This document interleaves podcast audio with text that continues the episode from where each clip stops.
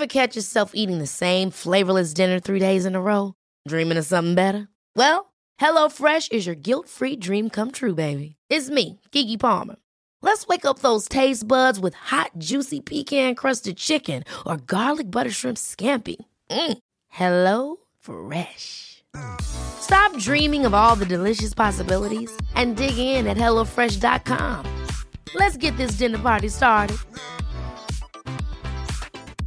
Hey, it's Ryan Reynolds, and I'm here with Keith, co star of my upcoming film, If, only in theaters, May 17th. Do you want to tell people the big news? All right, I'll do it. Sign up now and you'll get unlimited for $15 a month in six months of Paramount Plus Essential Plan on us. Mintmobile.com slash switch. Upfront payment of $45 equivalent to $15 per month. Unlimited over 40 gigabytes per month. Face lower speeds. Videos at 480p. Active Mint customers by 531.24 get six months of Paramount Plus Essential Plan. Auto renews after six months. Offer ends May 31st, 2024. Separate Paramount Plus registration required. Terms and conditions apply if rated PG. Der kom det Do, Vi trenger ikke tenke oss om, vi kan bare begynne. Jeg tenker ikke. Jeg bare er Jeg er ikke homo. Kjør på. Skal jeg begynne? Mm. Hjertelig velkommen til Menn uten midje kan også lese, der eh, mannen på andre siden av bordet heter eh, Alexander Sandtorv. Og mannen på andre siden av bordet deretter heter Kristoffer Schou. Og like i hjørnet ja, vi skal, ja, ja. Heter Clarissa. Å ja, det var det enda godt. Tenk at du hadde gått for et kjent et. Det hadde vært så fælt. Et kjent lik. Ja, det hadde vært, ikke vært bra. En uløst drapsgåte, og så bare valgte jeg et navn derfra. Nei, gud, nei, Du nei, kunne, det var sånn, jeg vet ikke. Jeg kunne gjort det, ja. Ja, ja, ja. for akkurat nå så føler jeg ikke at noen hører på, fordi vi sitter i dette rommet bare oss to. Det er så fare. Så føles, ja, føles veldig trygt. Du, Ja, vi har jo kost oss eh, med eh, det som er Månens bok. Dette var det du som valgte. ja, jeg valgte bare en jobb med, øh, eller skrevet av Ole Torstensen. Jeg kan bare si det. Altså, Ole Torstensen er tømrer. Uh, kom med en bok i 2015 som het En snekkers dagbok. Allerede der så burde vi ha skjønt hvor det, Ja. hvor det bærer. Uh, den har gått veldig bra. så Den ble oversatt til 17 språk, ser jeg. Og så er da dette her, som vi leste, bare en jobb. uh, hans bok nummer to. Ja. Den vanskelige andre boken. Ja, Og den kom i år. den kom i år, gjorde den ikke det? Jeg, det er, jeg føler at det er i år jeg har Ja, lest om den. 2022. 2022. På Pelikan. Ja. Eh, jeg skal fortelle litt om hvorfor jeg valgte den. Mm -hmm. løs på den. Eh, jeg eh, valgte den, eh, tenkte jeg i hvert fall før jeg ga den til deg, eh, basert på anmeldelser. Og det stemmer jo litt, for den har fått gode anmeldelser Ja. eh, jevnt over. Folk syns det har vært et sånt bra innblikk i uh, hvordan Ja, vi kan snakke litt om innholdet etterpå, men hele opplegget, da. Eh, jeg har jo da Jeg vet ikke hvordan du Leser du bokanmeldelser? Eh, jeg pleier ikke det. Og jeg må bare si en liten parentes at det å få, altså det å ha sine egne bøker anmeldt, er noe av det verste jeg vet. Oh ja, du syns det er skummelt, eller? Hater det. Jeg tror ikke jeg har lest en eneste anmeldelse av mine egne bøker noen gang. Men de blir anmeldt også? Å, ja. Oh, ja, men fag også? Eh, ja, det blir, jeg blir etter hvert så har bøkene mine blitt mer og mer anmeldt, og jeg bare forholder meg ikke til det. Men eh, jeg syns det er bra ja, at de faktisk blir eh, anmeldt, barnebøker og sånn. Det er Ja, kult at det de gjør det. jo, for jeg kjenner jo veldig mange forfattere som sier sånn Altså, hvem må man Hvilket bein må man humpe her Ja. for å få en anmeldelse? For det er det man jo- gjør, ikke sant? Ja, det er det man gjør. Det er veldig vanskelig å bli anmeldt i Norge. Og det har vært mye snakk i, i tiden om på en måte at det er sånn ti forfattere som blir anmeldt, men resten ikke blir det. Så jeg skal ikke klage, men jeg, jeg hater å bli anmeldt sjøl. Ja. Så, så kort forklart så leser jeg iallfall ikke mine egne. Og jeg pleier ikke å forholde meg til andres anmeldelser heller.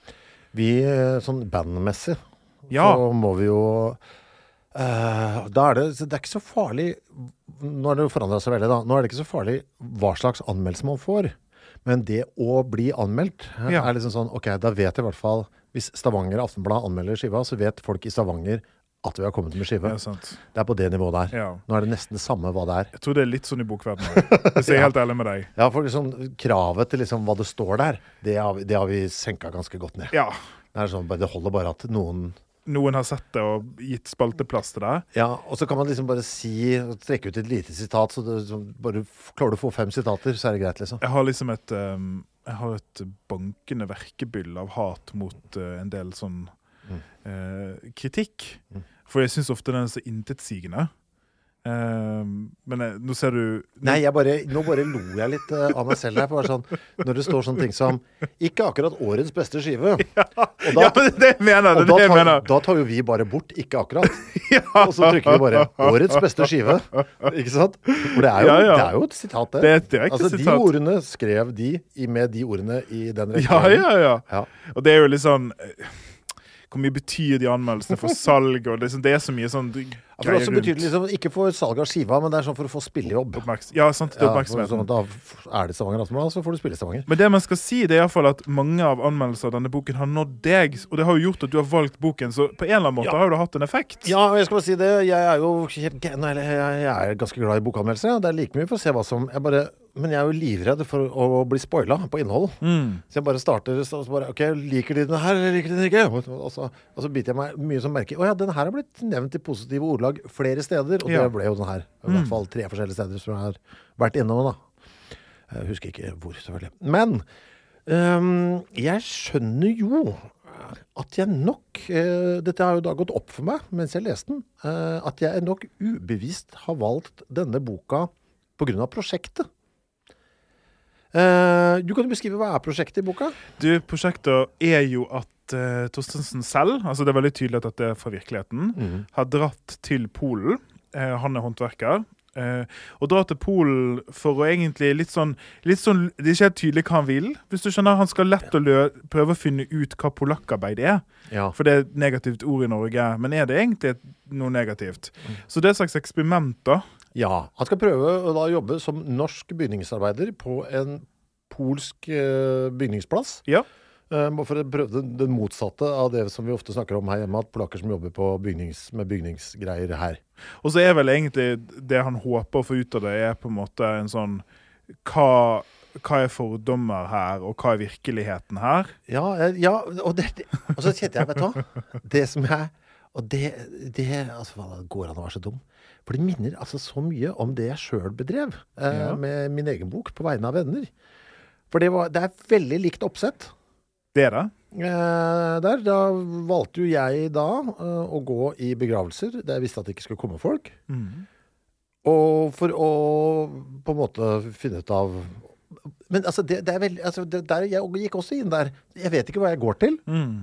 Eh, har veldig liten Veldig dårlig rigg i forkant. Jeg bare møter opp der, og, og, så, og så tar jeg problemene etter hvert som de dukker opp. Akkurat sånn som han driver med der. Og ikke så hadde du en veldig tydelig formening om hva du ville finne ut? Nei. Nei, sant? For det Jeg er har bare, lyst liksom, jeg bare lyst til å finne ut av hva er det Ja, egentlig jeg hadde bare en sånn følelse inni meg av at dette var uh, ikke riktig. Ja. At det var begravelser der ute hvor det ikke dukket opp noe. Litt sånn som jeg føler han har en sånn følelse av at det er noe som ikke er riktig her. Mm. Uh, altså dette uttrykket polakkarbeid som blir brukt altså det, er noe, det er noe stygt her, samtidig som man også kjenner på at oh, han blir litt sånn, litt sånn irritert på billig arbeidskraft. Så, at det liksom, ja, det er mye, ja, sånn. Det, det er helt tydelig at det er et eller annet som murrer, da. Ja. Men, Eh. der, det, er- så, men det, jeg kjente veldig Jeg tror det er det. Jeg, er blitt glad for å si Vet du hva, det der kunne jeg finne på å gjort hvis jeg var tømrer. Men visste du om det når du valgte boken? Nei, Nei. nei. eh, Eller Jo, jeg kjente jo til at det var opplegget hans. Ja. Men jeg hadde ikke egentlig gjort noen refleksjoner om at det, det, var var det samme der. som jeg hadde drevet med i en helt annen verden. Og jeg syns jo det er litt sånn For det er jo risikoen til alle sånne Det finnes jo en egen, det er en egen sjanger, på en måte. Ja. Som er sånn Noe murrer, jeg skal finne ut av det sjangeren. Ja. Eh, risikoen er jo at det kan være at det du finner ut, ikke er noe spennende. ja, det er en, kjempe, det er en kjemperisiko. Jeg noterer meg at denne her har ikke fått uh, Altså, denne blir ikke kalt for et essay. Ja, du, det, Kan vi snakke sjanger? Det synes Ja. jeg er For det, hva er sjangeren? Ja, altså, dette er jo Jeg føler at det er veldig likt uh, mitt eget, som sagt, i sjanger. Altså, at det jeg føler egentlig at det er samme sjanger. Og din sjanger er Essay. Ja. Eh, det står inni. Jeg var ikke klar over før jeg, jeg skulle ha en rekommandert om essays. For tilbake. Ja, men det har jeg gjort sjøl. så sjangeren er, det er tydeligvis essay. Han omtaler det et forord. Han omtaler det sjøl som en bok som jeg syns var en Ja, det syns jeg er helt riktig. Ja, men det synes jeg er helt riktig. Men så vagt òg. Ja, men det er jeg faktisk for. ja, ja, fortell om det. Hvorfor jeg er for det? Ja. For eksempel når vi gir ut en skive. Mm. det er det eneste referansepunktet jeg har, for det er noe vi driver, jeg driver med hele tiden. Og så er det sånn, ja, hva er dette for noe? Det er, ja, hva er det? Det er musikk. Altså, du, går, du går til høyeste fellesnevner Ja, altså, litt som det er bok. Fordi, vet du eh, Ja, ja, ja. Men, men det er ikke, det er ikke Fordi at alternativet er jo at det for eksempel er skjønnlitteratur. ja. Og det er det ikke. Han er veldig tydelig på at dette er virkelige ting som har skjedd. Virkelige personer. Han sier han har anonymisert navn, Ja. men vi får fortalt dette som en ting som har skjedd. ja. Og da er det Men essay, er det sakprosa? Ja, du, for faen, altså, jeg har jo hatt en hel podkast om essay og hva det er for noe. Det er ikke, det, Men han har ikke kalt det essay sjøl. Nei, han har ikke gjort det. Nei, men det er vel lover i sakprosaland, da. Ja, det er jo det- grenser mot journalistikk på et eller annet vis. Ja, sant? For det er en del sånne referanser som, som irriterer meg, som vi skal snakke om etterpå. Ja. For det, altså, det er kildereferanser som er en sakprosagrep. ja.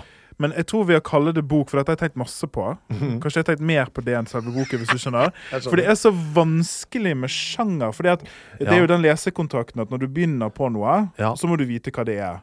Og det å kalle det bok det er, så, det er jo alt. Det, Ja. Bok viser ikke til en sjanger, det viser bare til format. ja.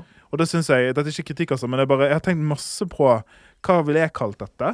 Ja. For jeg er litt enig, det er jo noe journalistisk ved Altså Det er noe Åsne Seierstad-aktig ved på en måte prosjektet Reise, opp, snakke med folk, finne ut av ting. ja, ja. Jeg er enig i det. Eh, Ja, Hva okay. er Åsne Seierstad-bøkene? Hva er det for noe? Nei, hva er det? Det, det, det er vel reneste som journalistikk? Sakprosa? Herregud. Du, Altså, jeg skal lese et eksempel her nå, bare, Takk. så dere skjønner hva boken Så de som har slumpet og ikke har lest den, så kan eh, skjønne litt av eh, formen her. Eh, jeg hopper helt til side 35. Eh, Han drar jo da ned til eh, Polen da, for å jobbe. Ok, jeg skal bare lese, så skjønner dere litt, litt mer av hele stilen. Kapittel 6. Det er halvannen uke siden jeg skulle begynne å arbeide. Jeg begynner å forstå at det blir ikke så lett å finne jobb, men jeg fortsetter å spørre alle mulige folk om de kan hjelpe meg. Excuse me, you speak English. Can I ask a question? This is a bit strange question, but you know someone working building. Jeg snakker en litt enkel engelsk, siden det nok er lettere for de fleste å forstå meg da, og dersom denne innledningen går bra, forklarer jeg ordentlig hva det gjelder. Svaret er alltid en variant av det samme. Sorry, no. Det kan være det finnes ledige jobber annonsert på internett, men jeg kan ikke polsk, så det er ikke noe alternativ for meg. Jeg vet ikke om de har noe tilsvarende den norske arbeidsformidlingen via Nav her i Polen, men jeg orker uansett ikke å forholde meg til Nav i Norge, øh, så det er uaktuelt å prøve her. Altså, når jeg kom, når jeg, på dette tidspunktet i boka, så tenker jeg fy faen, nå altså, for, Sånn holdt jeg på i min òg. Akkurat det samme. Det, det, det der. Presens. Sånn, skriver det ned. Det er skrevet samme dag som det er opplevd. Akkurat sånn samme bedrev jeg der. Jeg kjenner meg veldig igjen i den der dagboksnoteringen. Og jeg hadde jo noen dager, jeg også, hvor jeg skulle dra i Hvor det ikke skjedde noe. Altså Jeg skulle dra i begravelse, og så var det plutselig masse folk der. Mm. Og da var ikke det var ikke en del av mitt prosjekt. Så det bare sånn, jeg dro dit, og det var masse folk. Jeg drar hjem igjen. Det er kaldt ute. Jeg tar en taxi, for det, jeg orker ikke gå Altså, du gjorde live-notater, liksom? Ja, jeg, jeg skrev det jo med en gang jeg kom hjem, da, men, Ja. husker, men i sånn i pressens form, da. Ja, For å holde deg så nært virkeligheten Ja, som men jeg mulig. fremdeles være i stand til å huske noe. Jeg Ja, er, jeg er jo en glemsk type. Ja, ja, men det tror vi faktisk. Ja, Eh, både Ole og jeg. Antar jeg, da. ja. Nei, det, er, det er jo formen her, da. Det er formen. Det er jo um, Altså, eh, på samme kapittel, side 38, så har jeg skrevet notat til meg sjøl. Nå skal jeg ikke lese noe, men jeg det, det tar meg, dette har jeg funnet ut i denne bokpodden. Det Mhm. har blitt litt mer så Oi. Nå helte jeg masse Ramløsa nedover hele Jeg gidder ikke, jeg gidder ikke tørke opp. Nei, altså. okay. ja. Ja. Eh, men det tar meg ca. 30 sider å gjøre opp en mening. ja, samme her. Og dette er altså side 38. Her skrevet posen er veldig fin og tilgjengelig. Enkel, men ikke dum. Ja. For det er skrevet på det språket du forventer at en håndverker skal ha. Så på den måten så speiler prosaen forfatteren. Det vil si, det hadde vært veldig rart hvis det var skrevet i barokkstil. For dette handler om nærhet til Altså, en av, en av misjonene her er jo hva er det å være en håndverker? Mm. Hvordan ser det ut? Og håndverkerens verden er jo å jobbe med hendene. Mm. Eh, og jeg syns at prosaen virker veldig sånn jordnær. Ja. Altså den er Opplevelsen av å lese Det er ikke motstand i teksten på den måten at jeg må ikke tenke gjennom det jeg leser. Nei. Den er lettlest. Meget lettlest uh, affære. Eh, fikk du, tenkte du sånn, vet du hva, eh, han kunne jeg brukt som snekker, for det skrev jeg som et notat her. Ja, ja det tenkte jeg at han har ansett deg. ja, for det, det var også noe jeg tenkte, dette, eh, jeg føler at eh, Ole kan godt gjøre noen, eh, Ja, noen ting i huset i Drammen. Ja, ja, ja. ja. Jeg tenkte òg det. Dette er en kompetent mann. Em, jeg tenkte en, Mitt neste sitat, sitat er på side 46. Ja. Så eh, vi må nesten fylle inn det som skjer mellom her. Så altså, Ole kommer til Polen Ja. med en løs, lønnlig håp om at han skal få jobb, og så viser det seg at det er veldig vanskelig å få jobb. Ja. Og så kommer liksom, Det er litt sånn rart, men hjelpen kommer med en fremmed mann i en rød bil. ja. Så plutselig bare han begynner å snakke med, og så viser det seg at denne mannen kan kanskje hjelpe. da. Ja. Og da er det et lite eh, kort sitat der midt på side 46, som jeg føler er et mikrokosmos av det som skal skje. De fant ut at de polske produktene var litt fremmede i Norge, at norske kunder ikke stolte på kvaliteten. Mm. Og det, det, det, det føler jeg nå når jeg ser tilbake etter å ha lest boken òg. Der har du boken i nøtteskall. Mm -hmm. At vi i Norge har en iboende skepsis til alt polsk. Ja. Og at det vi tror om Polen, det er ikke sant, men det vi tror, det er at det er billig og dårlig. ja. Selv narkoen som kommer der nedenfra, tenker vi dette kan ikke være godt nok for oss. Ja, Ja. det er fint, det. Ja, ja men jeg øh, Ja, men jeg er enig. Eh, Men du, nå må jeg bare, før vi går ordentlig i dybden her Tenk, har du mm, Blir du litt mer bevisst på hva du sier i dag, når du vet at forfatteren kan slumpe til å høre på? Ja. Mm. For det syns jeg er litt interessant. Skal vi snakke om det? Ja, for det syns jeg er kjempeinteressant. For dette er første bok vi leser av en nålevende norsk forfatter. Ja. Og det var en regel jeg lagde for meg sjøl som jeg ikke har fortalt deg om. Mm. Men jeg kan ta det nå. Ja. Det at jeg vil ikke lese sånne forfattere. ja. ja. Så jeg velger ikke sånne bøker sjøl. Nettopp. Altså, men du vil lese på privaten, eller? Ja, ja, selvfølgelig leser jeg på privaten. Ja. Men grunnen til det er jo én Nå har du hørt meg si at jeg hater anmeldelser av mine egne bøker. Mm. Så det å høre noen snakke i en og en halv time om en bok jeg hadde skrevet, som ikke var 100% positiv, Ja. det har jeg blitt så fly forbanna for. Nettopp. For det er så mye jobb som går inn i en bok. Så i dag så er jeg litt forsiktig, skjønner jeg. Ja. Nei, jeg også Jeg, jeg syns det er kjempeinteressant, akkurat uh, det der. Og, jeg, og så kjenner jeg, jeg blir- litt glad for det også, at jeg faktisk har det Jeg tror et uh, 22-årig meg i 1992 uh, Ja, ja. Hvis jeg skulle liksom Skal du anbefale, anmelde noen TV-programmer du har sett her? Det hadde ikke blitt pent, altså.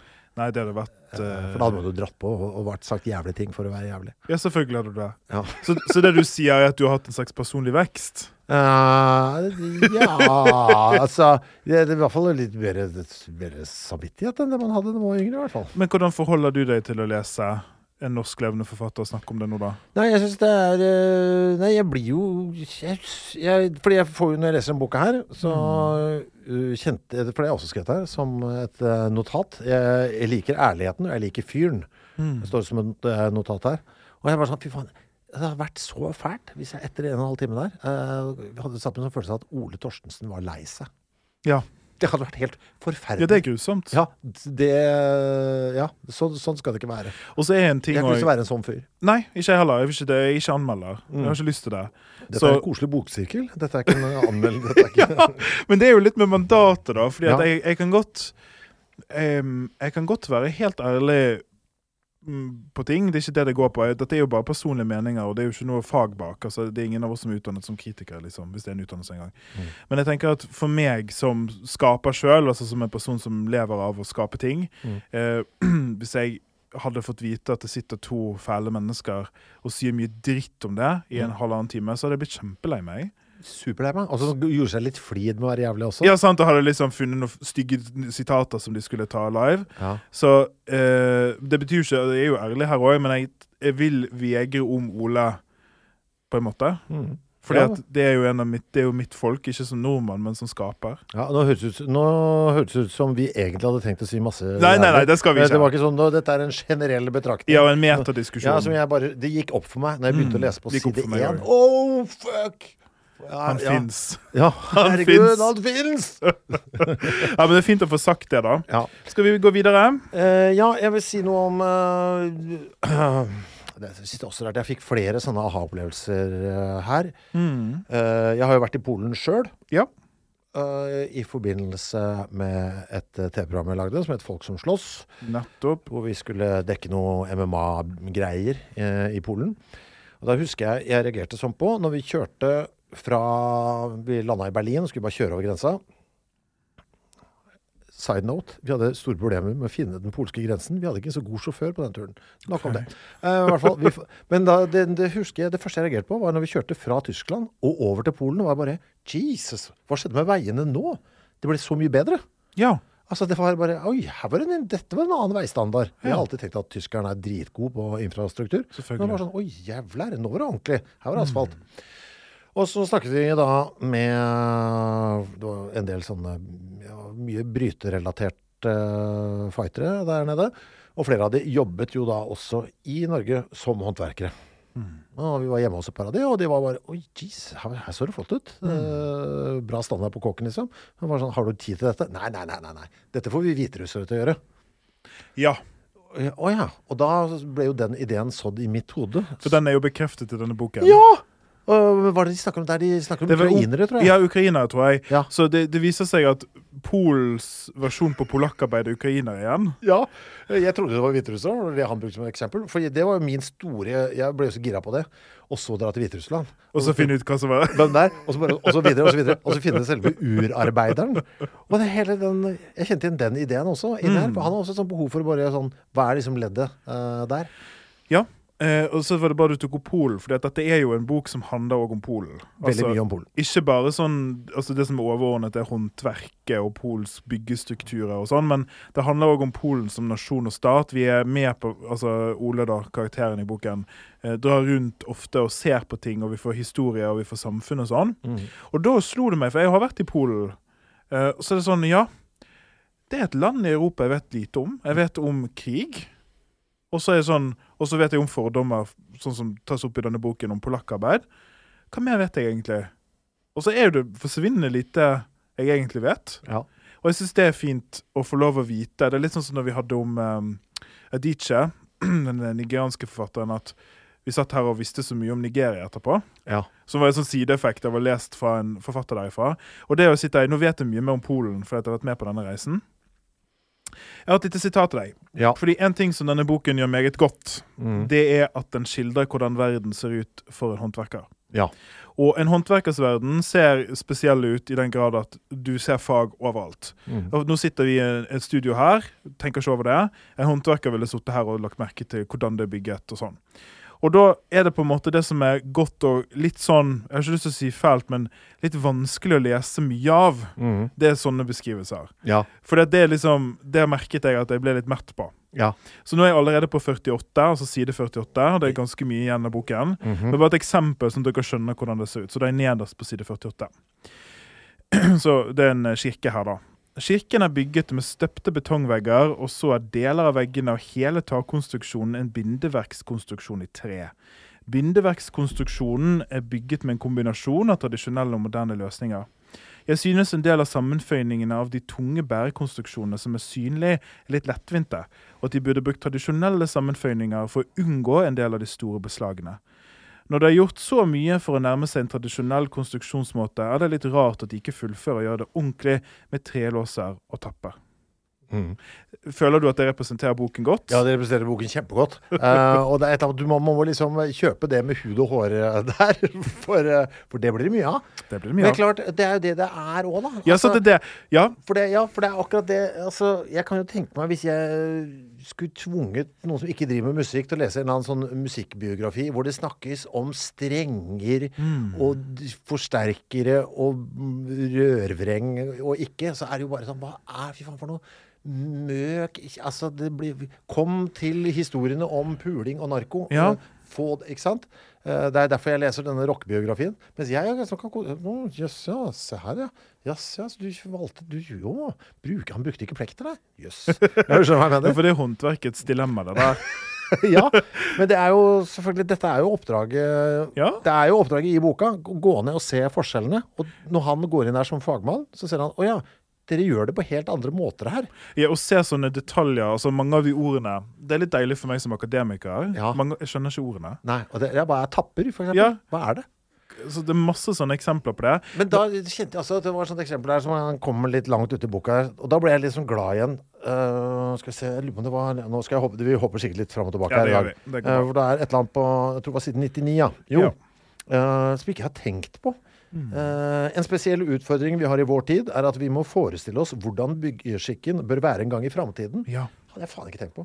Mm. Klimaet har forandret seg bare på den tiden jeg har arbeidet i byggebransjen, og disse endringene vil bli større og, og gå enda fortere i framtiden. Den aller viktigste forandringen er at det er mer tungt regn i kombinasjon med sterk vind, det som kalles slagregn. Uh, bla, bla, bla, det vil bli, i framtiden bli mer eh, et våtere kystklima. Eh, men altså, skal vi se her Ja, denne framtiden er ikke så langt unna, og da må husene bygges annerledes enn slik det tradisjonelt har blitt gjort, ifølge den lokale byggeskikken, for at det ikke skal bli skadet av været. Dette med at man bygger for framtiden, det har ikke jeg tenkt på. Skulle jeg ha bygd et hus? Jeg har bare tenkt, hvordan er det her nå? Ja, det, ja, men det er jeg helt enig i. Han skriver jo òg om at vi må tenke 20-30 år fram i tid. Det, det er, det er helt obvious for han. Selvfølgelig. Det er, og det var sånn, det var sånn eye-opener for meg. Ja, for faen. Ja, selvfølgelig. Det, det må du ta hensyn til, ja.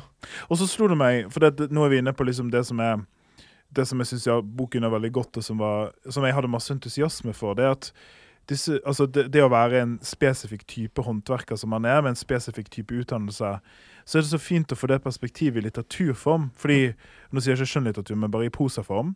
Fordi at verden ser helt annerledes ut. Og når jeg sitter og leser sånne skildringer, det er masse, masse, masse av de, så er det sånn Ja, det har jeg aldri tenkt på. Ja. Jeg har en annen her, eh, det er faktisk neste, det samme kapittel, Ja. side 97. eh, Som jeg, den eh, sekvensen jeg syns er meget god. Hver enkelt av oss håndverkere har liten innflytelse over byggeskikken, og det er vi klar over. Denne vissheten gir fagene en form for beskjedenhet som kan være fin, men det kan også gi en oppfatning av at arbeidet vi gjør, ikke er viktig. Bygningen er et fellesprestasjon for håndverkerne, og håndverket som et fagfellesskap kan ha stor innflytelse på omgivelsene. Det er nettopp det byggeskikken representerer i samfunnet vårt. En delt forståelse av hvordan det er best å bygge i lokalmiljøene. Og det, det putter dette som en sånn eh, ting rett inn i det nærmeste vi har. For det er jo litt sånn, du, det er veldig fint det huset i Drammen som du bor i. Mm. Men har du tenkt over hvordan det ble bygget? nei, nei, nei. Og hvordan valgene som ble tatt? nei. Nei, sant, det kan du se. Eh, klart når det var det der jordleiregreiene på Gjerdrum. Ja, Gud bedre, da var jeg opptatt av hvordan bygge hvordan, For da var det inn, var det inn på kartet sånn Hvor står det? Står det hva, Ja, ja. Hva, og så så jeg at det sto på liksom Å, det var ikke noe sånn område. Nei. Men da var jeg full gang. Da skal jeg begynne egentlig lese prospektet litt ordentlig. Og så se på hva takstmannen sa Ja. om grunnmur og sånn. Men så så jeg at vi sto på så bra grunn, så, så gadd jeg ikke lese det likevel. For vi tar for gitt, det skriver hun mye om òg, at um, en, en friksjon som finnes mellom håndverk og kunder, det er at kundene hele tiden vil ha det billigste, og ikke tenker på håndverk. Mens håndverken er den som må kvalitetssikre. Og effekten av at kundene får det som de vil av og til, det er at byggene blir dårligere. Ja. Det- for der sier han noe om hva status håndverket har i Norge. Og det vil jeg snakke litt om. Du vil ha det, du vil ha det eh, billig, fort og dritbra. Ja, Det er det du må ha. nettopp. Det er bare det, det, Nettopp. Og det er jo et eller annet med Og det er så nådeløst. Det, det, og det er Den ligger spesielt for bybeboere. Det, øh, ja, alle som bor i de store norske byene, øh, som er som city-folk, -hmm. de forventer det. Ja, ja. Billig, øh, kjapt gjort. Jeg skal ikke være Når er du ferdig, ja? Det er I morgen, liksom. Ja, du er ferdig i morgen, ikke sant? Ja. ja, ja. Og så skal det være kanonbra. Ja. Og så skal vi ha ingen respekt for den som gjør det òg. Ja, ja.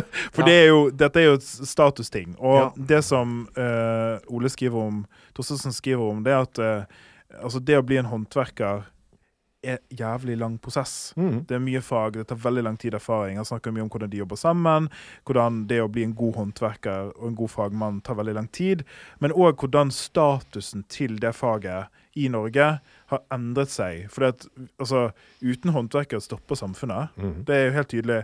Men statusmessig har jo de veldig lav status. Og det, er sånn, det slo meg, det er sånn som du sa at du hadde lyst til å hyre han fyren her til å liksom fikse ting for deg. Og det tenkte jeg jo at hvis jeg noen gang kommer i en situasjon hvor jeg må bygge noe, så skal jeg faen betale for det. Ja, ja. Hvis du skjønner? Oh. For den kunnskapen. Hvis jeg skal bygge noe, Chris, da er det, det, det klarer ikke engang å slå inn en spiker i veggen. Altså, det er helt håpløst. Er det dårlig? Ja, det er så dårlig! Jeg har ikke det i meg, liksom. Altså, den boka her er jo Det er skrevet opp nesten som en oppsummering her. Det er jo et, eh, et forsvar for fagutdannelsen i Mm. Det er det, ja. det hele boka. Eh, Vi har jo snakket mye, du og jeg, i en annen, den andre podden vår, Mhm. tilstand, eh, om hvor glad vi er i grunnforskning. uh, her. Og Torstensen får veldig godt fram hvor viktig det er med altså, den gode fagutdannelsen her. Da. Ja. Og hvordan uh, statusen det har i samfunnet, ikke er koblet til kunnskapen personen har, Ja. men til andre trender. da. Life is full of awesome what ifs, and some not so much, like unexpected medical costs. That's why United Healthcare provides Health Protector Guard fixed indemnity insurance plans to supplement your primary plan and help manage out of pocket costs. Learn more at uh1.com. Hey, I'm Ryan Reynolds. At Mint Mobile, we like to do the opposite of what Big Wireless does. They charge you a lot, we charge you a little. So naturally, when they announced they'd be raising their prices due to inflation, we decided to deflate our prices due to not hating you. That's right. We're cutting the price of Mint Unlimited from $30 a month to just $15 a month. Give it a try at mintmobile.com slash switch. $45 upfront for three months plus taxes and fees. Promo rate for new customers for limited time. Unlimited more than 40 gigabytes per month. Slows. Full terms at mintmobile.com. Ever catch yourself eating the same flavorless dinner three days in a row? Dreaming of something better? Well, HelloFresh is your guilt-free dream come true, baby. It's me, Kiki Palmer. Let's wake up those taste buds with hot, juicy pecan-crusted chicken or garlic butter shrimp scampi. Mm. Hello Fresh. Stop dreaming of all the delicious possibilities and dig in at HelloFresh.com. Let's get this dinner party started. There's never been a faster or easier way to start your weight loss journey than with PlushCare. PlushCare accepts most insurance plans and gives you online access to board-certified physicians who can prescribe FDA-approved weight loss medications like Wigovi and Zepbound for those who qualify. Take charge of your health and speak with a board-certified physician about a weight loss plan that's right for you. Get started today at plushcare.com slash weight loss. That's plushcare.com slash weight loss. plushcare.com slash weight loss. Og- altså dette prosjektet hans med å gå inn i eh, det polske miljøet med litt sånn uh, lite språkkunnskaper og sånn der. Det er, sånn er, han sliter jo med kommuniseringa. Ja. Der skjer, der skjer en del spennende greier, syns jeg. Fordi ja, Det er også noe man skjønner Det handler mye om kommunikasjon òg, den boka her. Ja. Der, hvis du Altså Hvis man er noen som At man må Jeg syns det var litt sånn igjen sånn i forhold til musikk, da. Så kan man liksom jeg, kan, jeg kunne fint gått inn i et band fra Tsjekkia, jeg. Eh, sånn sakte, Hvis vi bare får være i rommet litt, så kunne jeg sunget noe og laga noen lyder. fordi etter hvert så kommer det en eller annen sånn en felles flytsone, da. Og det opplever han av og til også, at det kommer inn en sånn felles sånn håndverksflyt. Men det må være noen kjøreregler. På, så, sånn, ikke sant? Og det måtte jeg også hatt med dette tjekkiske, tenkte tsjekkiske bandet. Ja. Okay, vi må ha en sånn idé om hva musikk er. Uh, altså Man må ha noe sånn felles Jeg syns det var litt interessant, det der med det, hvordan det går an uten språk. Men det, skulle, det hadde vært lettere hvis vi hadde et språk, ja. Og kunne snakke om det. Jeg har en ehm, jeg har, eh, Nå er jeg langt ute i boken på akkurat det. 156. Ja. Ehm, fordi dette, altså måten det kommuniseres på her, er litt sånn yes, no, ha-ha. Hvis Ja. du skjønner? Ja. Eh, og så er det en situasjon Jeg vet ikke om vi gidder å lese alt, men, men eh, jeg har skrevet et notat. Er dette spennende å lese? spørsmålstegn? eh, det er dette ATET-greiene. Husker du det? ja. Ja. Det rare eh, isolasjonsmaterialet. Som- ja, hva slags type bok dette er. Så det kommer litt ut altså han Det jeg også husker. Atet, ja. Ja, ja, det, det var kjempebra. det. Og så har han en fotnote der det står at ATET er et opp, altså oppfunnet materiale òg. Så det, Ja. så, det er noe med posisjonsnivået Å, som jeg har så lyst til å vite hva det er. Jeg, vet du. Har du det? Ja, jeg vil faktisk det, for jeg skal jeg ikke ha. Men vi er iallfall langt ute i boken. Han har funnet en byggeplass og er godt kjent der. Og så skjer det da at det kommer et materiale som heter ATET, som skal liksom eh, brukes som eh, sånn isolasjonsmateriale. Og så er han eh, Ole imot det. Han syns dette er noe dritt. Han har ikke troen på det og gir en faglig grunn. Og så er det en lang utregning om hva det koster per kvadratmeter, og hvor tjukt det skal være, og hvor det skal opp i rammene. Eh, jeg har et sitat bare for å gi et bilde av hvordan språket ser ut. Nå er jeg på side 158. Eh, vi tegner opp en arkvegg Sånn, hva er det? i snitt, slik det skal bygges her i Statova, og diskuterer hva som er feil med den. A-tetten legges utenpå OSB-platene som er montert på utsiden av arkene. Utenpå dette skues det lekter som platetekkingen skal festes i. Innenfor OSB-platene er det 10 cm vanlig isolasjonssjikt, og så kommer det innerste laget av plater. Ja, Ja, Ja. Jeg likte det, jeg, vet du. Eh, fordi, fordi det syns det, det fordi det, det, altså, i Konteksten her, da. ikke sant? Fordi ikke sant? De skal sette inn disse platene her. Så da ikke gjør det Det, det er en dårlig idé å sette inn denne type isolasjonsgreier. For det kan føre til større fuktskader og sånn. Mm, Vet Ole. Ja. For, fordi han googler det. Han, bare, han har en mistanke om at dette er noe dritt. Googler det. Og så, for det første, han har ikke noe språk til å si dette til de han jobber sammen med. Eh, Altså han kan prøve å signalisere, han har, men han, han er jo da en fremmedarbeider i dette landet.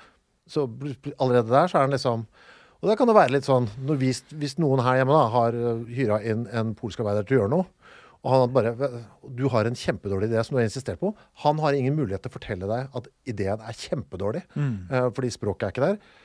Som jeg syns var interessant. Men så syns jeg også det var det For det kommer fram her, da, eh, litt uh, Som man også er veldig Som man skryter av da, i det norske arbeidslivet.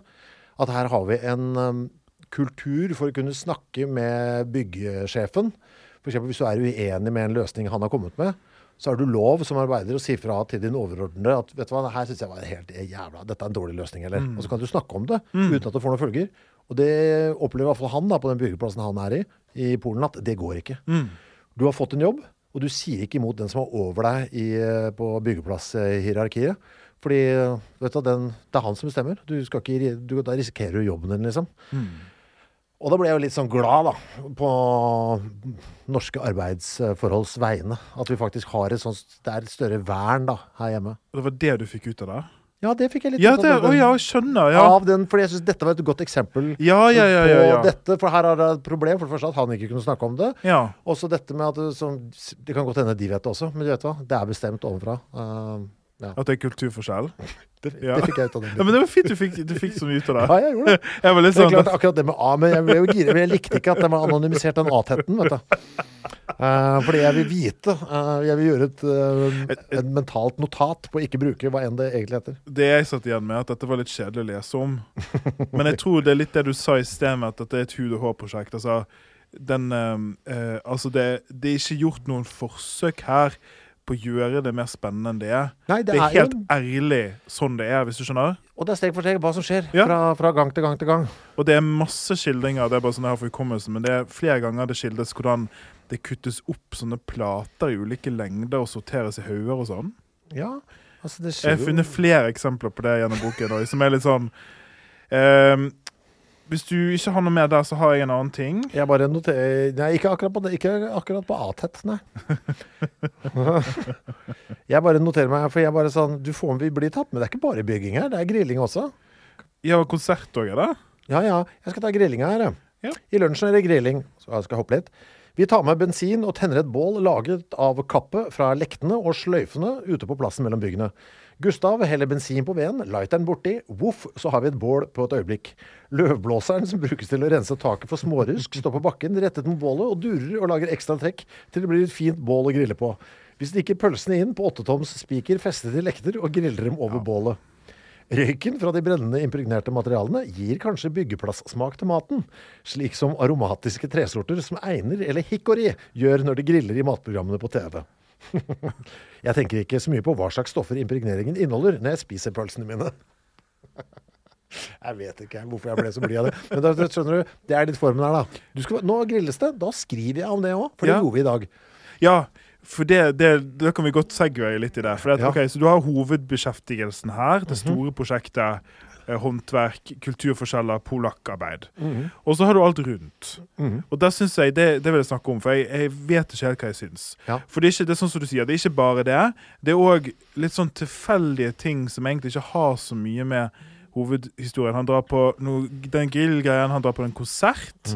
Hardcore-konsert. Ja, som, Der satt jeg bare og leste, så var jeg sånn Hva er det jeg leser nå? Ja, da blir jeg, da, jeg ble igjen litt sånn begeistra, for jeg har jo spilt Ja, på noen på sånne det. venues i Øst-Europa. Ja. eh, Med Hurra Torpedo og sånn, så bare, jeg kjente igjen miljøet så veldig. For han står og diskuterer et eller annet med en dude, og det går veldig dårlig, men han er like blid, da. Ja. Det skal han ha. Og det er liksom eh, Dette er en karakter, Ole, som da kanskje er Ole som person, som er jevnt over veldig blid. Ja, ja. og positiv til ting, Yes. og som er veldig fornøyd med veldig lite. Mm. Og jeg er jo diva, vet du. Så noen av de skildringene der han er så glad fordi at han får en varm kaffe, er jeg bare Nei, nei, nei, nei, nei, nei, det alt Nei, nei, nei. nei. Og det er jo litt sånn eh, Du blir jo blid av det. Ja. Av å lese om noen som er blid. ja. Men jeg har en Skal vi se. Det er en ting som jeg Jeg vet ikke om vi skal lese, jeg bare spørre deg om det. det er, nå er jeg på side 110 og 111. Ja. Ole deler jo litt sånne ting han har tenkt. ja. som er jo litt sånn der eh, Han prøver å putte ting Ja, i en slags der, ja. ja. Eh, prøver å putte ting i en slags filosofisk sammenheng og prøver å se eh, samfunnskonstruksjoner og sånn. Og jeg syns ikke alltid at det funker så bra. Der datt jeg av, jeg. Akkurat Ja, det er jo skrevet. Det altså, vi må nesten forklare hva For vi det leser er om. Somewheres in betweeners og sånn, ikke sant? Så det er en David Goodhart som har skrevet da en eh, jeg vet ikke om det er en bok eller hva det er, The Road to Somewhere, Mm. og forteller da om hvordan Storbritannia er delt inn i synet på viktige samfunnsverdier, og at det finnes sånne klasser eller grupper med mennesker. Og så har Torstensen brukt da en langt, ikke langt, men et kapittel her på å prøve å applikere det til polsk samfunn. Forstår Mm. jeg det riktig? Uh, ja. Og hele systemet, er det også litt på norsk òg, eller? Uh, Ja, uansett. Prøve å se det i en større kontekst. Og da, da har jeg bare skrevet Jeg mister tåen'. Ja, og jeg tror For min del så var det dette. Jeg var så gira på å bare være på byggeplassen, jeg. Ja. For det var det jeg eh, dro fram den der grillinga, liksom. Så var jeg egentlig. Hæ?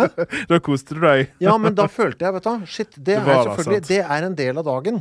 Uh, Det sosiale. Ja, og det, det likte jeg. Fordi, og det er det samme som igjen, hvis jeg skal tilbake til rockebiografiene. Liksom. Jeg vil høre om åssen det er på backstage. Mm. Å ja, dere sitter der og spiller brettspill? Kult. Da, jeg, da vet jeg det. Enig. Så den der var sånn, vet du der, Ja. For det, det er jeg helt enig i, for jeg syns det er der boken er best. ja. Når den er eh, tettere til hovedmisjonen. Mm. Og så syns jeg at det famler litt av og til med det rundt. Ja. Og dette er en bok som jeg syns, hvis jeg får lov å si det, mm. er for tjukk. Du var for tjukk, ja? Jeg syns det, fordi den er eh, Altså, det må vi bare si, da. Altså cirka, hva er det da, 250 sider. 250 sider, og kanskje på side 200 eller noe, så er byggeprosjektet ferdig. Ja, ja, det kan jeg være enig i. Og så langer det med 50 sider til, som er litt sånn eh, Det har ikke noe med hoved... Vi er ferdig med hovedhistorien, hvis du skjønner. Ja. Og det er litt sånn løst og fast og, og sånn. ja. Så det syns jeg kanskje at der kunne det vært stramt inn litt. Bare fordi at ja. Jeg er litt spent på hva du ville tatt bort. Uh, ville du tatt bort uh, den sekvensen som er på 100 Det går jo tre sider her. På 166 til 168. Der hvor han eh, skal på do og tisse eh, og glemmer å låse døra. Er den inne hos deg eller ute hos deg hvis du skal være redaktør? Den er absolutt inne. Ja, hos meg også. For den syns jeg var For det er Han går på dass, ikke sant? Skal pisse. Jeg skal spørre om en annen om du føler at den skal bort eller ikke. Uh, han må inn på dass og pisse, og så fungerer jo ikke låsen, ikke sant? Så han bare står og pisser uten at Og så er det selvfølgelig en som åpner opp døra. Selvfølgelig. Mens han står der og pisser. Og så ja, blir han sur, han som står utafor. Og så blir Ole sur fordi at han blir sur. Men de skjønner ikke hva de sier da. Nei, det, nei, det er sånn språkforvirring her òg. Så de Så bare står og roper etter hverandre. Så da skal han, som- jeg skal lese litt. Han som skjeller på meg ved dassen, er bare nummer 100 i rekken av alle jeg ikke forstår, og hva han sier, er ikke så viktig fem minutter etterpå. Jeg mumler på norsk eh, så lavt at han ikke kan høre.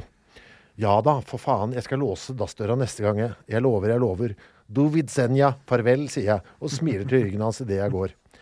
Og da tenkte jeg sånn Ja, shit. Fordi det er jo sånn man har jo sikkert Jeg tror mange har opplevd det. Altså, vi møter med, altså at det er noen som sier noe til deg på et språk, og du har bare sånn følelse av at nå er det Hva er det ja, Som bare- skjer. Ja. Ja. Ja, som, på et språk jeg ikke forstår, som hvor det er noe negativt. Det, her er det motsatt. Så jeg syns det var litt sånn eh, Ja. Jeg syns det var gøy at det er noe sånn universelt, liksom. Ja, men jeg likte det veldig godt. Det Mm. det, altså det, for det handler om hovedtingen her. Ja. kulturforskjeller og sånne ting også. Så det syns jeg er veldig fint. Og de skildringene er jo òg små og hverdagslige og sånn, men de er, de levende. Altså Det føles helt til 100 som en ting som har skjedd. Eh, hva med den gangen han bæsjer på seg? Ja, den Hva, har er den inne eller ute hos deg? Vi Det er litt uti her, det er på Ja, litt på slutten. Han er egentlig ferdig med byggeprosjektet, så driter han på seg på åpen gate. det skulle han ha med. Eh, jeg har valgt å stryke den jeg, fra, som redaktøransvar, for da føler jeg at vi er utenfor. Hadde han bæsja på seg på byggeplassen, ville jeg visst om det. Jeg føler, men, men jeg skjønner Oles Altså, jeg skjønner fristelsen til Ole her. For det har en viss schwung over seg. Ja, klart det. Å bæsje på seg ute på gata, det er jo altså, jeg, jeg hadde også fortalt uh, gledelig. Men uh, jeg sier det, det har ikke, vet du, hva, den, den, kunne, den kunne ha røket for min del Ja, her. er enig. Mm.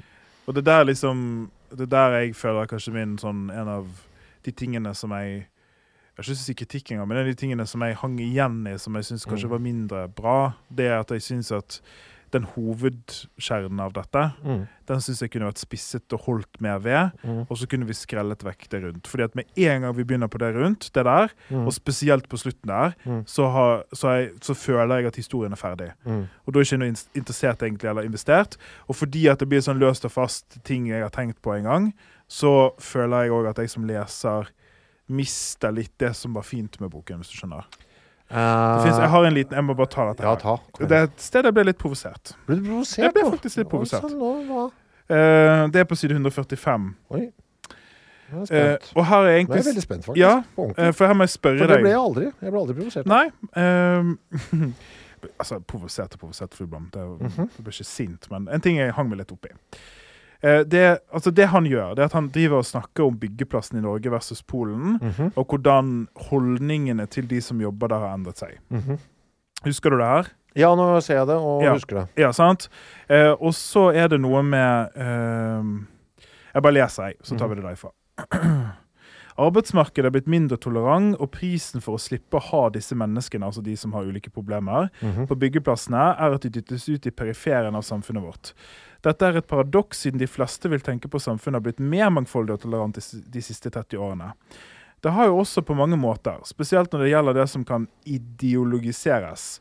Det diskuteres ivrig om skjønn, seksuell legning, hudfarge og religion, og befolkningen er mer vant til å omgås mange forskjellige typer folk. Det eksentriske og personlige derimot er ikke folk så flinke til å håndtere. Og det er nettopp dem som har utfordringer av denne typen, som forsvinner ut i den sosiale periferien. I sum gjelder det mange mennesker, men det er ikke så lett å få til å passe i en gruppe eller under en bestemt ideologi. Jeg blir ikke nostalgisk av opplevelsen med den fulle muren, for det var en murer som full da, men det slår meg at dette tilhører en annen tid, og det krever en annen form for toleranse enn den som, vi, som dyrkes i vår tid. Mm. Hva ble du provosert over her? Altså, kanskje ikke kall legning ideologi, ja, okay. hvis vi begynner der. Ja. Eh, men det var ikke det som var poenget. Fikk Ja. jeg litt i vrangstupen. Ja. Eh, men det som var poenget, er at han har, det har altså vært en litt sånn vanskelig episode her med en person som er full på arbeidsplassen. Ja. Dette er jo en kontekst. Ja. Og så driver han her og sier, sånn som jeg forstår han, her må du gjerne spe på hvis jeg forstår det feil eller du er uenig, at på grunn av at altså, strukturen på arbeidsplassen har endret seg, så ville denne type ting, altså en alkoholisert arbeider, vært mye mer tolerert før, Mm. mens det ikke er det nå lenger. Mm. Og så prøver jeg å få tak i ja, men hva er det han egentlig mener da? At det er greit eller ikke greit? Ja. Også, Altså, med det på arbeidsplassen, tenker du på? Ja.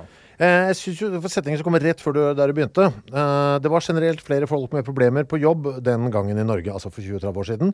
Det var folk med psykiatriske diagnoser, fysiske begrensninger, og det var noen som drakk. Disse folkene er borte nå. Jeg ser dem iallfall nesten aldri.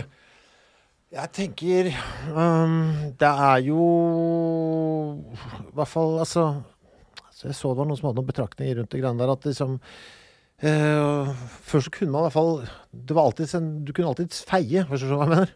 Altså, det var noe sånn enkelt eh, gårdsarbeid som kunne bedrives og sånn, for folk som hadde f.eks. en psykiatrisk lidelse og sånn, da. Og, og, nå er det jo nå er det jo bare trygd der. Jeg, jeg valgte å lese det som et litt sånn forsvar for det å Jobbe, liksom. for, Ja, for å bli sysselsatt og få Mm. tildelt Ja. en, en mening for dagen. Jeg, jeg er enig i at det kunne blitt formulert bedre, men jeg, Det var sånn du leste det, ja. det var sånn jeg tenkte at det var det han mente, Ja. i hvert fall. Tenkte jeg da. Ja, men det er fint å snakke om. Ja, men jeg, for jeg, det er jo Men det er igjen, da. Jeg syns det er bra du trekker fram der. For det er noe med vår For nå har du sikkert, når du kom dit, allerede vært litt sånn ah, Men Ja. jeg hadde sikkert gikk inn med litt mer uh, ja, jeg. Det begynte litt dårlig der. ja, ja, men det er ganske interessant, det. Ja, så får jeg piggen ut, sant? liksom. Får piggen ut og får sånn motstand. Ja. Men OK, så da Men det er det som er fint med å snakke om det òg. Liksom For det er jeg jo enig i, Ja. på en måte. At, at hvis, hvis det moderne svaret er at mennesker Jeg liker ikke at han kaller det eksentrisitet heller. Det er, med, det er noe med måten han bruker ordene her, som gjør at jeg blir litt sånn Ja. Ikke eksentrisk å være alkoholiker, på en måte. Eh, men uansett, hvis, hvis forsvaret er at det er bra å være i arbeid og en del av et fellesskap, at alle trenger å ha en jobb, Ja. enig. ja. Eh, ja, hva sier det senere her da, på 146? Uh, det er et nasjonalt mål i Norge at vi skal ha det som det som kalles et inkluderende arbeidsliv. Og alle organisasjonene i arbeidslivet er rørende enige om målet. Bedriftene og det offentlige skal samarbeide om å hjelpe folk til å stå i jobben. Det gjelder alt fra fysisk tilrettelegging av arbeidsplassene til å tilby tiltak for folk med rusproblemer. Det som jo er litt sånn interessant her, for det han påpeker også, at han jobber jo eh, i en bransje uh, hvor, eh, hvor det er litt sånn spesielt farlig å være full på jobb. For det er jo Du skal jobbe med Han skildrer jo noen scener der hvor han henger på stillaser, Ja. og det er masse Ja, så det er, og det er jo også da Ja. Det skal, nok igjen, da. Det er tryggere å være full musiker enn å være full mann i stillas. Og så føler jeg For det er noe med det Hvis, hvis det er sånn at det var bedre før, mm. at, at de fulle var på jobb, for da hadde de en jobb å gå til, ehm, så det aksepterer jeg ikke. Altså Så enkelt og greit, det aksepterer jeg bare ikke. Men at, at de istedenfor kanskje det han mener, da, hvis jeg er litt rausere og ikke har pigget ute, så er kanskje det han mener at eh, istedenfor at det skal isoleres ut som en separat ting, kanskje det skal altså, det, det er kanskje en meditasjon på hva det vil si at noe er inkluderende òg. Jeg tenker at eh, Han påpeker han opplevde da en eh, på byggeplassen her, ikke sant? som han opplevde som full, var ikke det? Jo. Eh, og det- jeg synes jo Jeg tenker det han sier noe fint om det norske arbeidslivet. da, at vi har, for, Som sagt, for hans del så var det sånn for 20-30 år siden så kunne vi oppleve det oftere. Så jeg tenker at det er også en litt sånn skryt av hvordan det har gått Ja, her sant. hjemme, da. Fordi vi har fått, vi har fått tatt tak i det. Det er jo Akan og ting og tang som kan ta tak i folk Ja. som er fulle på jobb og sånn. Ja, men da skal jeg ta litt selvkritikk på at jeg kanskje Nei, men jeg synes det meg litt opp. Nei, nei men, eh, det, jeg, men det kunne sikkert vært eh, tydeligere. Ja, jeg syns det var rotete hva Ja. han mente, da. Ja, jeg, jeg skjønner hva du mener her. Men, Ja. så, men det, så syns jeg at det er akkurat derfor. Fordi det jeg liker, da, er jo det at det bare er litt sånn Ikke stream of consciousness, for det er det ikke. Men eh, han bare Vet du hva, dette er det jeg tenker nå. Dette er det jeg tenker nå. Eh, og det syns jeg boken skal være. Bare det. Og så det som vi snakka om i stad. Ta bort eh, når han dreit på seg på slutten. Og, ikke sant? Ja, fordi jeg vil ha den stream of det- dette, for dette, det er, dette er da tanker han tenker mens han opplever Ja, ja. den fulle- fulle fyren der. Og det er lov. Ja, for da får jeg liksom innblikk i hodet ditt. Og da tenker jeg det, det er innafor Det liker jeg. Det, det er fint, men samtidig det er en bok. Så Ja. liksom, vi tenker alle ting i øyeblikket som er Ja. kanskje ikke alltid så godt formulert, men han har faktisk lov til å gå over det etterpå Ja. og være litt tydelig, da. Så der hadde jeg en liten kritikk. Og så har jeg et spørsmål på side 162. Ja. Eh, fordi det er en eh, Nå kommer den andre lille kritikken min. Ja. Jeg bare tar for det unnagjort her. Det er at jeg forstår ikke Jeg har prøvd, jeg har vridd hjernen min for å forstå det veldig rare referansesystemet her. Okay. Fordi at han bruker fotnoter. Ja. Sant? Ja. Her er fotnote 9. Wall Street. Mm. En film. Det er en referanse til en film. Ja. Og så står det 9. Wall Street, Oliver Stone, 1987. ja. Er det nødvendig? Uh, ikke den, for der skriver han jo tidligere opp, her oppe. Uh, arkveggene i Stavova er som monumenter som feirer Gordon Geckos påstand fra filmen Wall Street. Vi skjønner hva det er snakk om, sant? Ja, for da, var det- ja, så akkurat den trengtes ikke, nei. Og så er det en, bare for å ta de to ekstremtilfellene, skal vi se om jeg finner det her. Eh, hvis du nå tar helt sist i boken Nå på er du side pirket, ass. Ja, men jeg er fag... Dette Oi, liker gud, nå jeg. hisser jeg meg opp. Sorry. ja, jeg er pirkete, men jeg er fagposerforfatter, så Ja. dette er viktig for meg. 246. Ja. Eh, hva Oi, syns, dæven, den hva var syns langt du om disse referansene her? Å, jævla, den var lang, ja. Mm. Altså Det vi ser her nå, det er en referanse 17 som viser til at det er noe tall her. Sant? Noe som går dramatisk ned. Og så er det altså en Ser ut Vårt Oslo er det en avis. Eh, ja, det tror Ja. jeg. Så det viser til en artikkel da, som for så vidt er greit, men så har jeg tatt med hele helsikens hyperlinken. Oi, den er vanskelig. HTTPS, eh, kolon, slash, slash, vartoslo.no, skråstrek, bygningsarbeiders, eh, bindestrek, fagforening, bindestrek, LO, bindestrek I, bindestrek OS, bindestrek LO, bindestrek Tomrer, bindestrek, bindestrek og, bindestrek Byggfagforeningens, slash LO. Altså, nå, nå var jeg en tredjedel på vei. Slash 319620 spørsmålstegn FBCLID er lik. Skjønner dere? Ja, for den går faktisk ikke an å gjøre fra Jeg vet ikke hvordan jeg skal få den inn i Nei, Du bare refererer til artikkel. Det er bare å si forfatter og Jeg vet ikke, ja. Men uansett, det, det er Jeg leste ikke fotnotene, jeg. Nei, men jeg gjorde det. Fordi at det har noe med Ja, men dette Nei, nå er jeg seriøs. Ja, men det er bra. Jeg liker det. For dette har òg noe med leserkontrakten å gjøre. Ja. Fordi at Hvis misjonen her nå er å skrive sakposer, det er derfor vi kommer inn på, på sjanger igjen, Ja. så må ting begrunnes. Så det er helt riktig å begrunne det. Ja. Men jeg syns at det er ting som bør begrunnes, som ikke er blitt begrunnet, med tall. Ja. Og så er det ting sånn som referanse til den ene filmen som alle vet hva er, Ja. som har en fotnote. Og det, det gjør det forvirrende for meg å skjønne helt hva misjonen er. Det er Ja. alt. Nettopp. Ja, ja men øh, Ja, ikke sant. Det er egentlig det vi egentlig Det syns jeg vi kan oppsummere det med. Altså, øh, all den kritikken som har kommet her, går egentlig til Bjørn øh, Arild Ersland, det. Redaktøren, ja. Redaktøren av uh, denne boken. Det går til redaktøren, ja. Ja. Fordi dette er jo Skal vi snakke litt om Vi har jo begge erfaring med dette, hva redaktører gjør. ja, de gjør livet ditt surt. Ja, og så bedre til slutten. Ja, øh, noen av de. Uh, kommer litt an på hvilket forlag du er tilknyttet. Jeg har jo vært tilknyttet flere. Jeg også. Og eksempel med den begravelsesboken. Ja. Veldig godt Uh, Hvor var den utgitt, da? Oktober? Eh, oktober, ja. Ja. Uh, veldig flink. Sist Sistoris gjorde en god jobb Mm. uh, der med den. Eh, veldig bra, og reddet den på mange måter. Mm.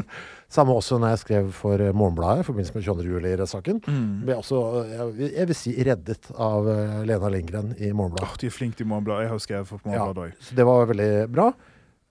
Eh, hvor var det jeg ga ut det? Var det Skipsted, jeg tror. Kokebok eh, som jeg ga ut der. Har du gitt ut en kokebok? Ja, det har jeg gjort. Eh, Tendenser het den. Um, ja, fordi alle kokebøker hadde sånne jævlig navn på den tida. Så jeg skulle også ha et jævlig navn min. Det har aldri hørt om før. Eh, nei. Eh. Nei, altså Jeg husker ikke om det var mann eller dame. Innbill meg at det kanskje var dame som var redaktør. Men altså Hadde jeg fått sjansen, så hadde jeg drukna henne i dass. Oi! Det hadde jeg gjort. Jeg hadde jo det eh, der. Eller putte henne i en, i en sekk Uh, sammen med kattunger og noen murstein og pælma henne i havet. Det hadde jeg gjort. Men hvorfor? Uh, nei, det var på alle mulige måter forferdelig opplevelse. Nei, altså det, var jo et sted der vi lagde mat på Excel. Altså lagde sånne håpløse matretter, ikke sant. Ja. Knekkebrød med et, eh, hva for noe? Tranmarinerte knekkebrød med suketter og sånn, ikke sant. Sånn drittmat. drittmat. skal lage en kokebok med bare, bare de greiene. Ja. Og, og da velger de veldig sent i prosessen å begynne å sensurere matretter uh, der. Da tenker jeg, hva, hva, men hva er, hva, er oppdre, hva, er det, hva er bestillingen egentlig? Uh, så helt sånn i siste liten var det sånn at du kan ikke skrive urin.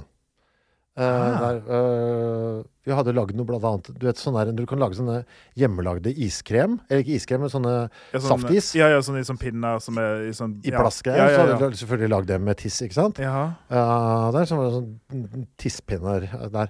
Men jeg kunne ikke skrive urin. Men jeg kunne skrive U. Tilsett U. Kødder du? Nei, altså det var på det nivået der. Det rareste jeg har hørt. Det var masse sånt. Altså det, var, det var sludder på sludder på sludder på sludder på møk, på drit og på kukkamang. Jeg ble altså så forbanna. Jeg har sjelden vært mer forbanna i hele mitt liv. Ja. Altså, det var en merkelig greie. Uh, og så, klart, greit, det var en helstekt bæsj der, og som var litt mye servert med rosenkål. Den tar du du selvkritikk på. Den hadde jeg ikke annonsert, ikke sant? Og det bildet var kanskje For alt er jo illustrert. Og få et marerittprosjekt å være redaktør på. Ja, altså akkurat den. Det er greit. Men, eh, men at du ikke kan, sk at du ikke kan Ja, skrive rart. ordet urin Og få en ting å sensurere Ja, av alle ting. jeg klarte å lure inn en liten forhud der i en, på Ja, av bildene, veit jeg. Ja, roseblad rundt sånne greier. Men, uh, Men det, det var, og det var, eh, det var jævlig Uh, hele veien. det, det Så da det jobbet sånn man mot redaktør Ja, det går ikke. Så redaktøren er altså den profesjonelle i forlaget som jobber med forfatteren. Ofte er det jo Teams. Ja. Nå trekker jeg tilbake alt det jeg sa med å kaste i elva og de greiene der. Eh, Det var tanker som jeg hadde som for gjennom hodet. Ja, mitt. men nå kan du revidere det. Ja, altså, Det var tanker som for gjennom hodet mitt da jeg fikk denne reaksjonen. Jeg, jeg, hadde ikke gjort det i dag, for jeg er blitt et bedre menneske eh, nå. Ja. Så ta bort Lat som jeg aldri sa det. Jeg har ikke hørt det.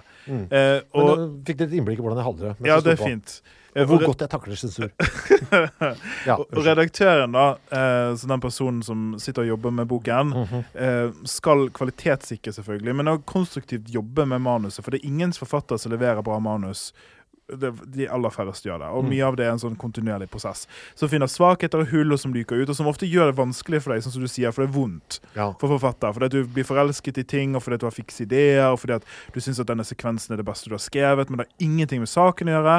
Og den prosessen der kan jo være slitsom.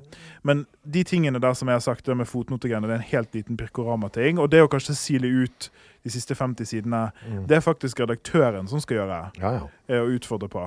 Mm. Eh, så det er liksom Og jeg syns jeg syns på en måte ikke at de tingene som jeg tok opp nå, det ødelegger ikke. Altså det er ikke dette er ikke De fotnotene er en ubetydelighet. Det er Mm. bare en ting jeg har hengt meg opp i. Og de 50 sidene Da har jo jeg allerede lest det jeg brydde meg om, på en måte. Ja. Så det er jo ikke det at det ødelegger så mye. Nei. Men uh, det er iallfall ting som jeg satt igjen med, da. Ja. Jeg tenkte for å, Nå har jeg vært litt negativ, så skal jeg være litt positiv her på tampen. ja. Det er at eh, En ting som jeg synes boken gjør veldig Nå skal jeg ta de tingene jeg syns boken gjør bra. Mm. Jeg syns at boken gir blikket til håndverkeren utrolig bra. Mm. Jeg forstår hvordan verden ser ut, og får en helt annen innsikt eh, og glede faktisk rundt det. Ja, jeg ble også mer obs på å gå for liksom folk som Ordentlig. Kan, ja, Ja, gå for noe betal for den utdannelsen. mer jeg setter mer pris på ordentlige greier. Ja. Også dette med eh, Norge versus Polen. For det, skal vi, skal vi la, hva er konklusjonen hans? Ja, liksom? fordi det er, jeg har skrevet et notat til dette her. Altså, for dette Jeg fikk en sånn uh, parallell til dette med turisme og backpacking her, uh, litt. Uh, for han opplever noe det- Altså, du kan aldri få den autentiske opplevelsen. Han prøver jo å få den autentiske opplevelsen. ja, for han drar jo en turist, sant? Ja, altså han, drar, ja, han har jo tryggheten i Mm. altså, Han kan bo på et lite hospits. Og, altså, det er ikke, står jo ikke om liv og død for han. Nei, for vi må få med at han trenger ikke den jobben. Nei. Han har penger på konto. Ja, han har jobb eh, hjemme, så han har Mm. tatt seg fri for å dra ned og gjøre dette. Uh, og så kan man altså Ja, er det noe vits da? Og det er det samme sånn, er det noe vits man, Å, jeg vil helst unngå turiststrøkene når jeg er på ferie, for jeg vil få den autentiske opplevelsen av hvordan det er å være i Barcelona, bla, bla, bla, bla, bla. Uh, som er jævla irriterende. Nei, men på den annen side, da. Du, du lærer jo noe, som jeg mener. Uh, så jeg klarer Ja, man gjør det. Men du må ikke tro at det du nå Nå vet du hvordan det er å være en eh, spanjol i Barcelona. Og Det litt- vet du ingenting om. Litt om at altså, han, han tar jo opp mellom linjene at du kan ikke lære en annen kultur å kjenne på et besøk. Nei. Det er, det, altså, det er veldig arrogant å tro det. Mm. Så det å bli kjent med Polen, eksempel, og hva det vil si å være polakk, og hva det vil si å, å bo i Polen, det er noe som det er ikke gjort på en reise eller to. Du kan ikke bare dra til det bygget og forstå det. Fordi at det gjør han jo veldig bra òg, med at vi får Ikke bare får vi hans liksom sånn når han går rundt og ser på ting og tenker og sånn, men vi får òg bli kjent med en rekke polakker som Og dette, dette nå, nå, skal jeg, nå skal jeg si noe meget bra med denne boken.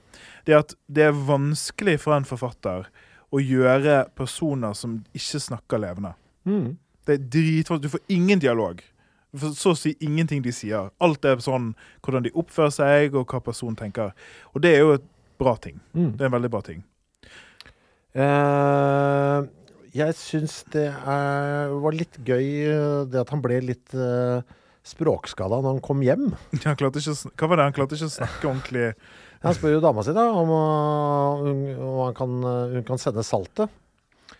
Uh, uh, altså, han snakker da kun, kun i sånn enstavelsesord etter å ha vært liksom på sånn For han må bare snakke Gi korte, tydelige informasjoner. Ja. Fordi språkbarrieren er så stor mm. når han er eh, i Polen. Det var sånn få, planke, nå, sage-aktig.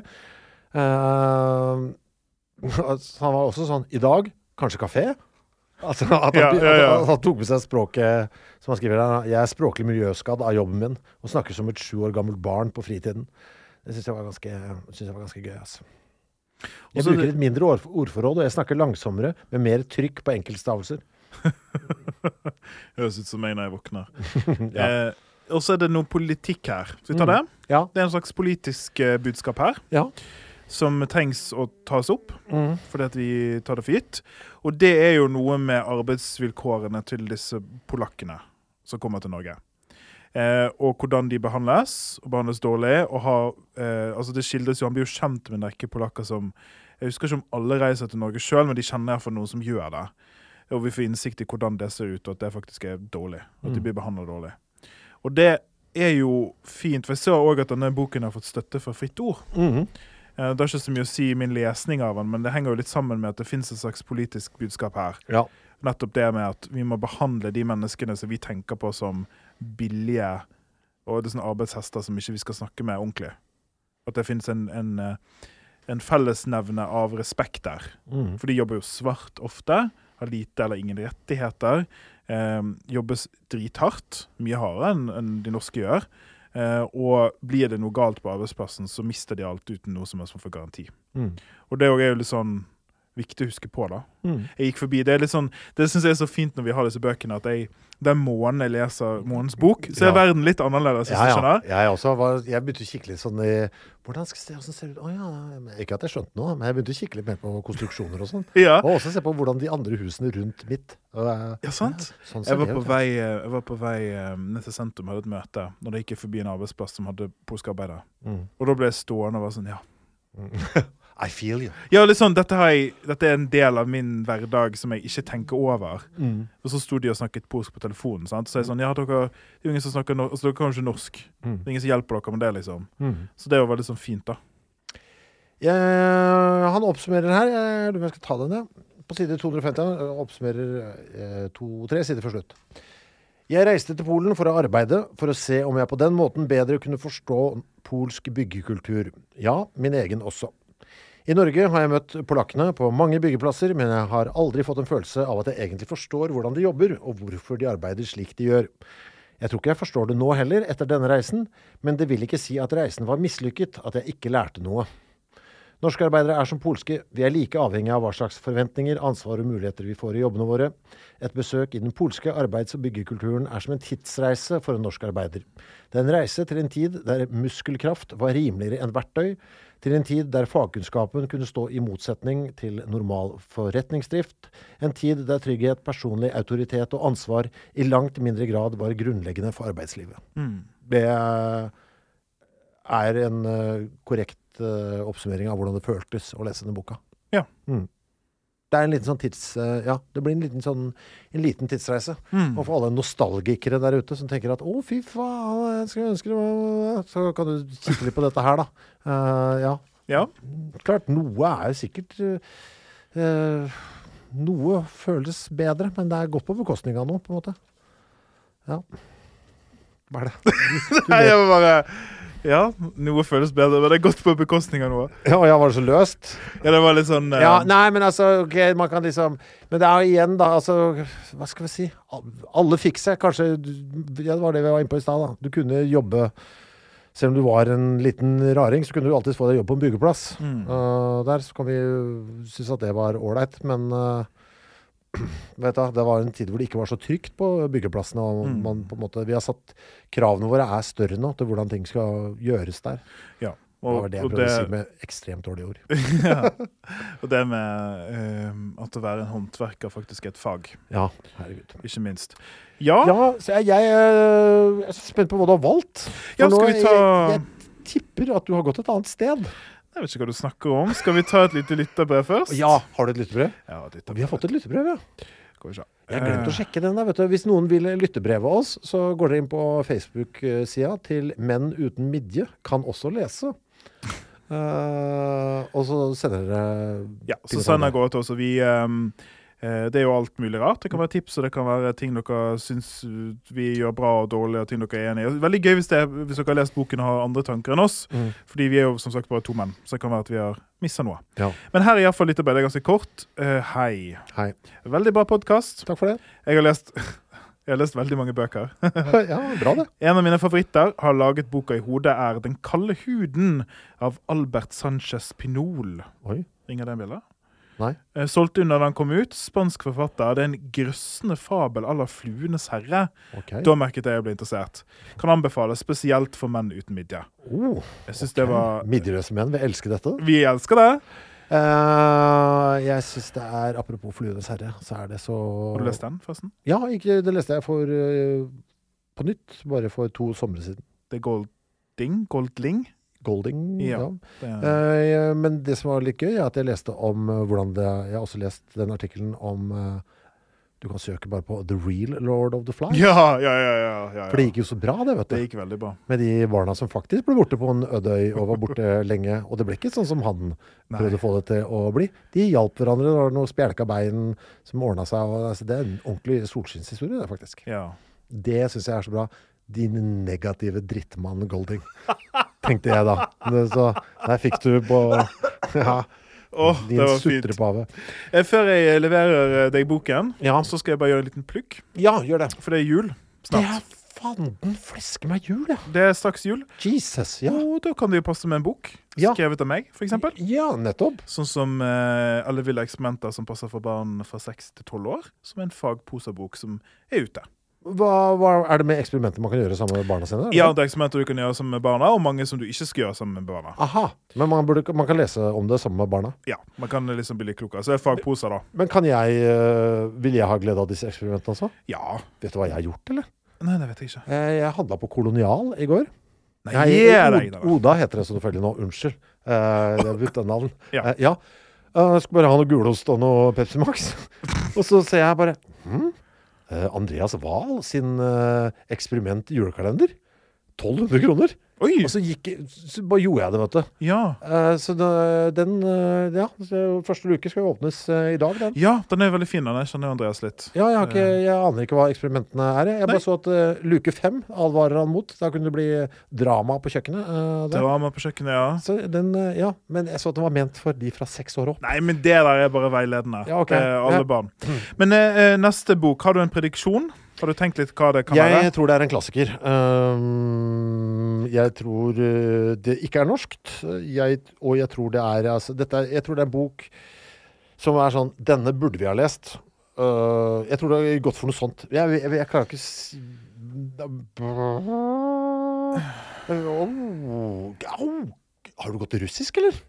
Det er ikke så dum prediksjon, det. Den er på uh, Ja, den er ganske tjukk.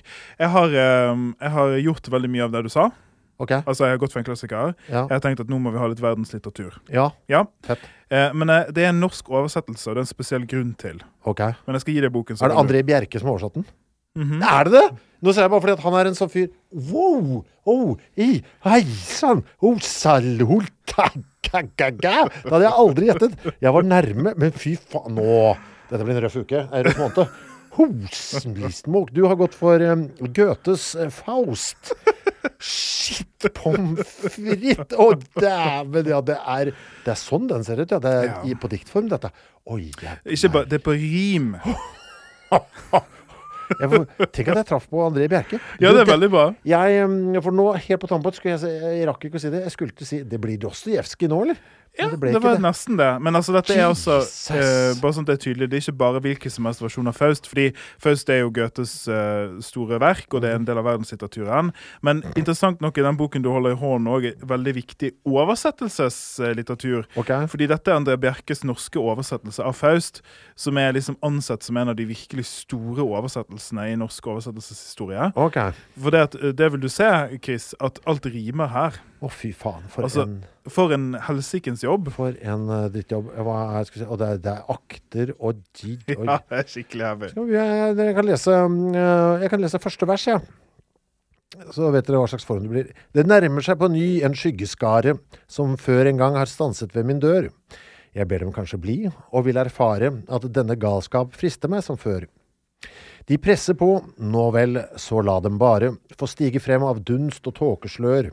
Et tryllepust omkring gjør meg meget forvirret og ungdommelig beveget. Og versefoten er jo også pussig her. Det er en ABABCC-variant eh, her, som er jo eh, ytterst eh, røff for denne OCD-mannen her borte. Oh, ai, ai, ai, her skal vi få kjørt oss.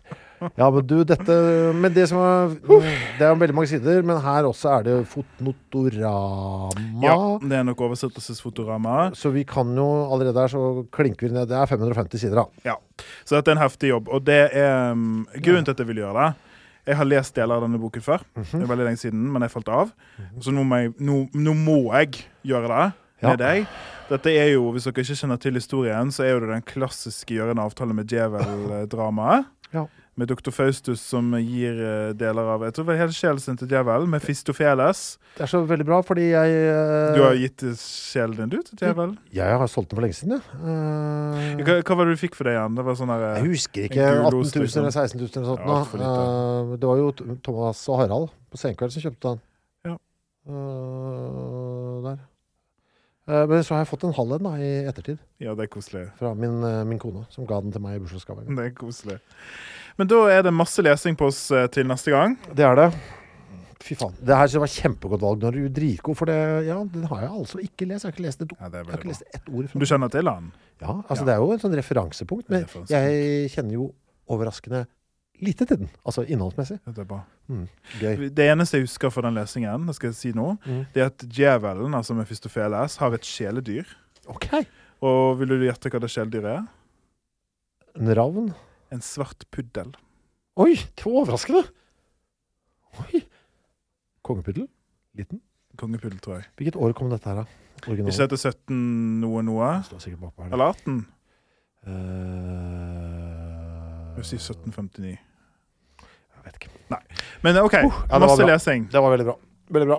Uh, lykke til, uh, alle sammen. Det er vel akkurat dette dere vil ha til jul, er det ikke det? ja, de vil det? De vil det. De vil da, det. De vil det. Så da møtes vi. Så nå, dette er julegaven å gi. Uh, skal dere høre oppsummeringen av dette på første nyttårsdag? Det er det faktisk. Det er Mm. faktisk første dag i 2023. Nyttårshopprennet på TV, og vi som snakker om eh, Goethes Faust. God jul. God jul! Ever catch yourself eating the same flavorless dinner three days in a row? Dreaming of something better? Well, HelloFresh is your guilt free dream come true, baby. It's me, Gigi Palmer. Let's wake up those taste buds with hot, juicy pecan crusted chicken or garlic butter shrimp scampi. Mm. Hello Fresh. Stop dreaming of all the delicious possibilities and dig in at HelloFresh.com. Let's get this dinner party started.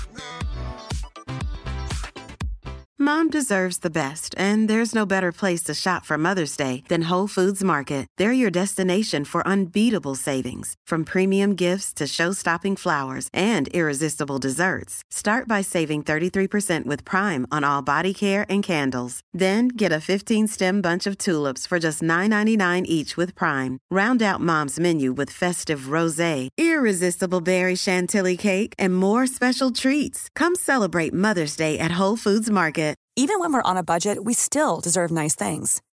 Quince is a place to scoop up stunning high-end goods for 50 to 80% less than similar brands. They have buttery soft cashmere sweaters starting at $50, luxurious Italian leather bags, and so much more. Plus, Quince only works with factories that use safe, ethical, and responsible manufacturing. Get the high-end goods you'll love without the high price tag with Quince. Go to quince.com slash style for free shipping and 365 day returns.